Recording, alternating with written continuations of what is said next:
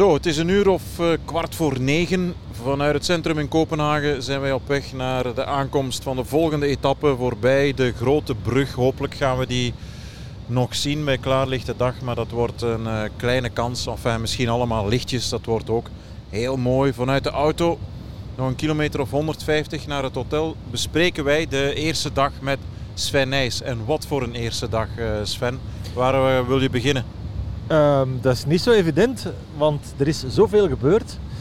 En het weer zit daar natuurlijk voor heel veel tussen. Uh, mooi opgebouwde tijdrit.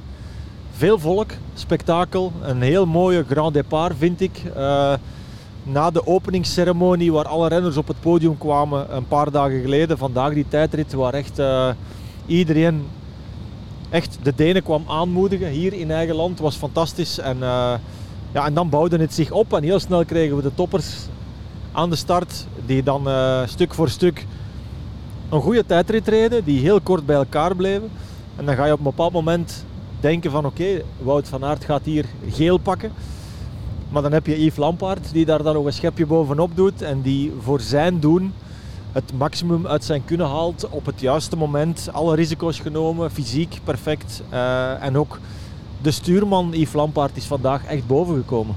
Want laat ons eerlijk zijn, Niemand in de wielerwereld zal gezegd hebben, nadat de grote mannen allemaal binnen waren gekomen, Lampaard gaat hier nog overheen gaan.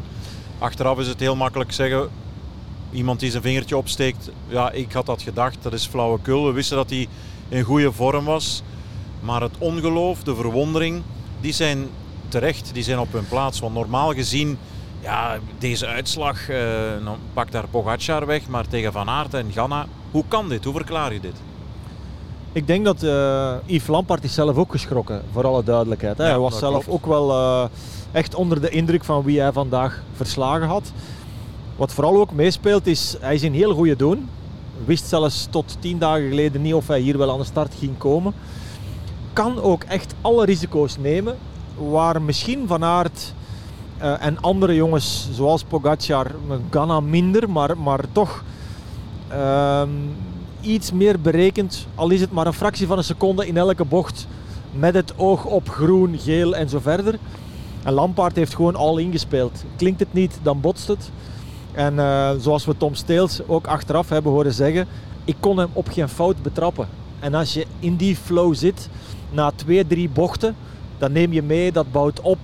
En uh, ja, dat heeft hij volgehouden tot aan de finish. En, en dat maakt dat hij vandaag gewoon de beste tijdrijder van de wereld was.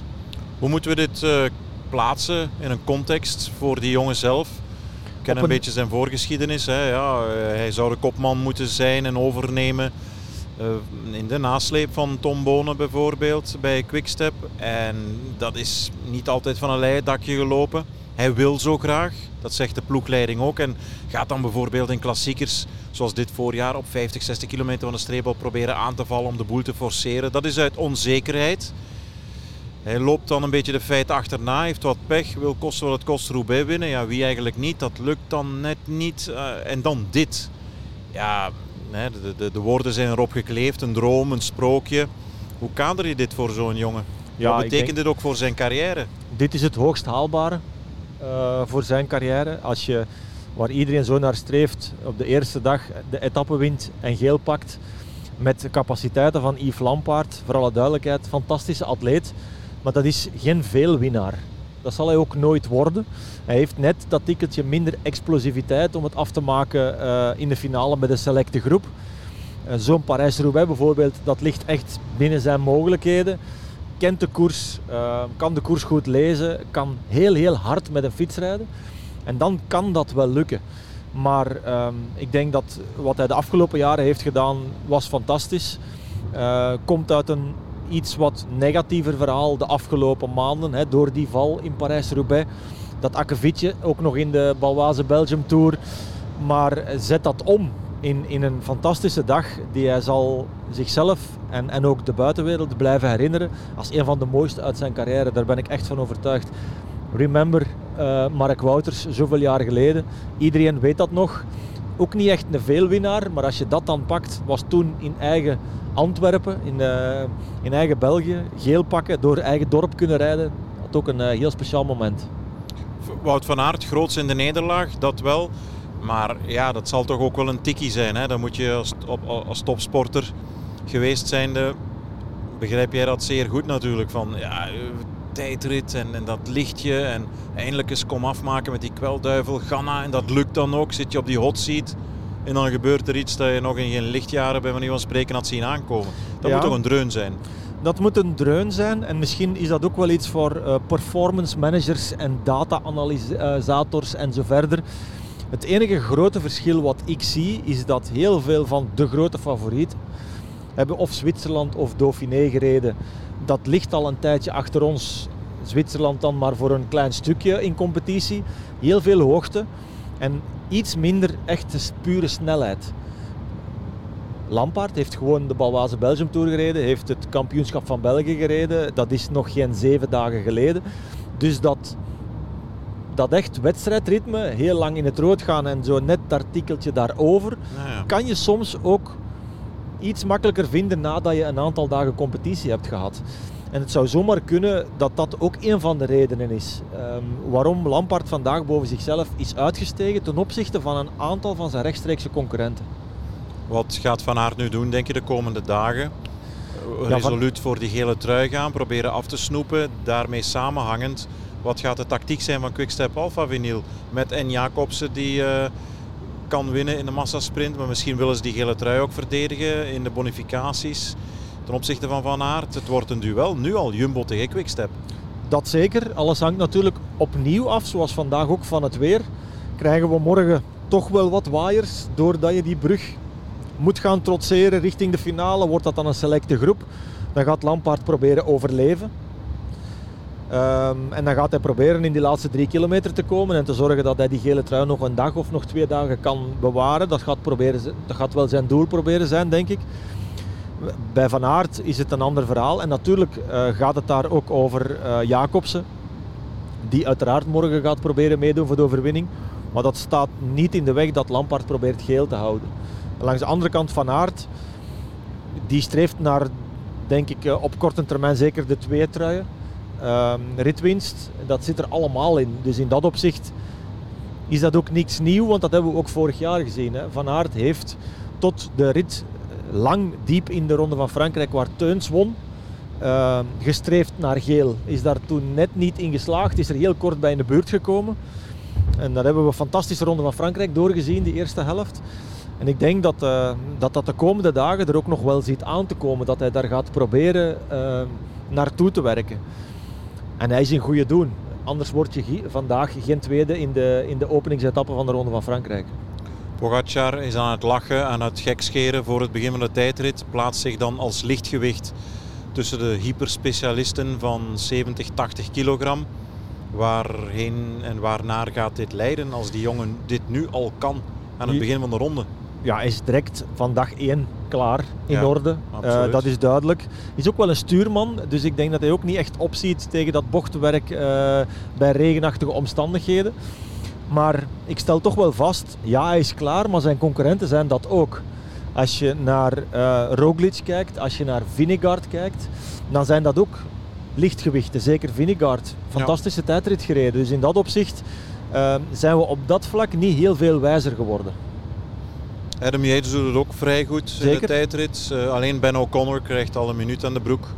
Dat is eigenlijk de, ja, de belangrijkste voor het klassement. Ja, absoluut. Er zijn al dus... vaker tijdritten geweest in het verleden dat je na één tijdrit moest zeggen oei oei. Dat is eigenlijk al bijna game over. Op ja, dat dan vlak zijn er aan... niet al te veel grote ongelukken gebeurd vandaag. Nee, dan denken we terug aan de periode van Quintana en zo verder. Hè. Die verloren dan die eerste tijdrit vaak heel veel tijd. Dat is nu niet het geval. Iedereen was op de afspraak. Het ging echt over seconden. En alles is open om de komende dagen fantastische koers te krijgen.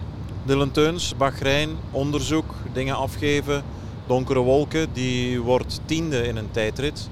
Hij, ja. hij kan een tijdritje rijden, maar dit is eigenlijk wel een zeer goede prestatie. Die mag eigenlijk niet worden ondergesneeuwd door, uh, door wat Lampaard doet, want dat is absoluut vrij goed. Ja, absoluut niet. Ik vind uh, dat omzetten, die, die negativiteit die de afgelopen dagen en dat is eigenlijk waarschijnlijk al van vorige week maandag begonnen, hè, waar dan uh, uh, ze bij hem thuis zijn geweest. Dat bouwt zich dan toch op.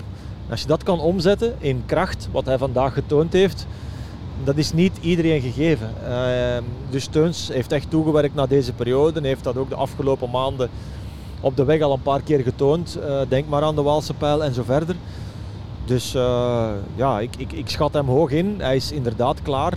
En ik denk dat het een zegen is dat vandaag een Belg geel pakt. En dat zou er kunnen voor zorgen dat de iets moeilijkere vragen, die er zeker in de Tour altijd zijn, een klein beetje nu uh, ja, afgeleid zijn door het succes dat er is bij Lampaard en eventueel de komende dagen van Aert. We rijden dus uh, zo dadelijk nu, het is uh, vrijdagavond, rijden we over de Grote Beltbrug. Richting de aankomst van morgen. Uh, wat verwacht je van die etappe? Zou het kunnen dat de berg een muis gaat baren en dat we te hoge verwachtingen hebben in die brug? Dat zou zomaar eens kunnen. Dat heeft alles te maken met de windrichting. Ja. Als die een klein beetje tegenstaat, gaat dat al veel minder interessant zijn om echt wires op te zetten of, of het uit elkaar te trekken dit niveau van dit peloton is zo hoog dat als je op kop moet rijden, dat het ehm, niet evident is als dat wind tegen is om, om de rest uh, echt op, uh, op achterstand te fietsen. Dus de aanloop daar naartoe, uh, je keert en draait toch nog wel wat. Je blijft ook lang naast het water. Dus in dat opzicht denk ik wel dat het een attractieve koers gaat zijn. En er zijn nog steeds heel veel jongens met heel grote ambitie ambities om trui te pakken. Er is eigenlijk nog niks gezegd. Het gaat echt over seconden. Dus uh, als we terugkijken naar de geschiedenis van de afgelopen jaren en die eerste week in de Tour, dat is hectiek, alom vertegenwoordigd. Laat ons hopen dat het droog blijft en dat we van heel zware valpartijen gespaard blijven. Ja. Ook een winnaar, denk ik. Hè. Deense publiek, Denemarken toekoer. Jammer voor de organisatie, de stad. De voorbije dagen hier scheen de zon en nu net wanneer de hele wereld of toch een deeltje van de wereld toekijkt, je hebt daar veel geld voor betaald, regent het. Mensen zullen vanuit de lucht wel een Kopenhagen hebben gezien. Oké, maar als daar de zon op schijnt, dan krijg je misschien meer zin om hier op vakantie te komen. Dat is uiteindelijk het doel. Maar uh, ja, duizenden mensen langs de kant. En dat bewijst nog maar eens het gelijk voor zo'n organisatie als de Tour om voor het buitenland te kiezen. Hè? Waar soms mensen meewarig over doen. Absoluut. Um, ik vind het een heel mooie drie, vierdaagse. Want eigenlijk al twee dagen geleden begonnen met die opening.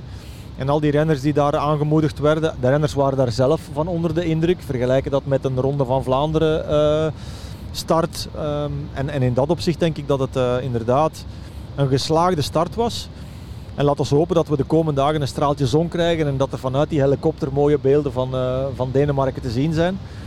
Het is een volk dat achter zijn renners staat. Dat hebben we vandaag nog maar eens gezien. Heel veel aanmoedigingen bij die verkenning, bij die, bij die tijdritten van, van al die toppers die hier aan de start staan. Want laat ons duidelijk zijn, ze hebben hier echt een aantal kalibers aan de start die in verschillende onderdelen van de Ronde van Frankrijk straffe dingen gaan doen. Van Morkov, um, van Morkov tot Pedersen, tot Vinegaard die mee gaat doen, misschien wel voor eindwinst. Ja, en dan, uh, dan zie je dat dat toch wel het volk in beweging brengt. Tot slot, um, de, hoe zou ik het zeggen, de schlimiel van de dag of het, iets dat negatief is opgevallen, um, iets lachwekkends, dan denk ik misschien wel aan de soort buff ja. bij de helmen van Specialized. En alle respect voor die sponsor die veel doet voor het wielrennen, ongetwijfeld. Maar hierover was niks bekend, geen persmededeling op voorhand. En dan zie je jongens verschijnen met zoiets dat waarschijnlijk was al getest zijn in een windtunnel. Maar ja, het leverde heel wat grapjes op op Twitter, op sociale media. En niet helemaal onterecht, denk ik. Ik ben het daar volledig mee eens. Ik denk dat de helm zeker wel een blijver zal zijn. Maar wat eronder gebeurde met uh, een soort sok die over het hoofd werd getrokken om waarschijnlijk nog meer aerodynamica te vinden, dat gaat echt geen blijver zijn. Want ik denk dat de renners er sowieso al geen fan van zijn. Visueel, maar ook qua warmte. Straks misschien dieper in de ronde van Frankrijk bij 30, 35 graden Ga er maar aan staan als die tijdrit dan ook nog eens langer is. Ja, dat gaan we meteen in Rocamadour zien, hè, de laatste zaterdag. Of ze daar nog mee rijden of niet, dan kennen we het antwoord meteen. Dus ja. Klopt, en ook de afgelopen dagen is het enorm gegaan over de tijdrit pakken. En die zijn uiteraard gigantisch belangrijk. Je moet het in honderdste van seconden gaan zoeken. Maar als puntje bij paaltje komt, gaat het toch vaak over de capaciteiten van de atleet qua fysiek, qua stuurmanskunsten. En hebben we gezien vandaag dat het weer gezorgd heeft dat bijvoorbeeld de band veel belangrijk is, belangrijker is dan de aerodynamica en, en, en, en het shirt dat gedragen werd. Dus zo zie je maar dat alles relatief is en dat het uiteindelijk tussen de oren van de atleet heel goed moet zitten. Lampaard die dan kiest voor de iets wat traditionelere helm en zegt van uh, dit ben ik gewoon en hij wint daar zomaar gewoon de tijdrit mee. Dus in dat opzicht is het super belangrijk uh, dat die renner zich goed voelt in zijn vel. Maar ja, innovatie zal nooit stilstaan en we zullen elk jaar opnieuw nieuwe snufjes gaan zien. Helemaal tot slot, uh, wie of wat, het mag ook een ding zijn of iets zijn, krijgt van jou vandaag een 10 op 10? Ja, dan ga ik toch voor Yves Lampaard. De manier hoe hij die tijdrit naar zich toetrekt, welke atleten hij verslaagt, hoe hij uh, het publiek bespeelt, zoals de boerenzoon uit uh, West-Vlaanderen dan het heel mooi verwoordt, de emoties. I'm zijn... just the son of a farmer. Dat gaan ja, ze heel vaak opnieuw van, bovenhalen. Fantastisch. Ook zijn ploegmaat die hier dan niet is, zijn beste kameraad, de Klerk, uh, daarbij betrekken. De tranen. Allee, je kan veel dingen opsommen. 10 op 10 voor Yves Lampaard. Dankjewel Sven Nijs. Heb jij hoogtevrees of valvrees? Ik ben niet echt uh, van de hoogte, nee, maar die brug dat gaat wel meevallen, denk ik. Oh ja, een meter of ja, tussen de 80 en de 100 meter. Maar, misschien maar zolang ik in de auto mag blijven zitten en niet moet springen, dan gaat het nog wel ja, lukken. Het gaan wel fantastische beelden zijn. Als Morgen... ik spring? Ah. ah. ja, als je springt. Morgen tijdens de koers. En wij gaan zeker, dat uh, zeker. proberen zo goed mogelijk te beschrijven op uh, Radio 1 en op sporza.be vanaf uh, 1 uur. Tot morgen.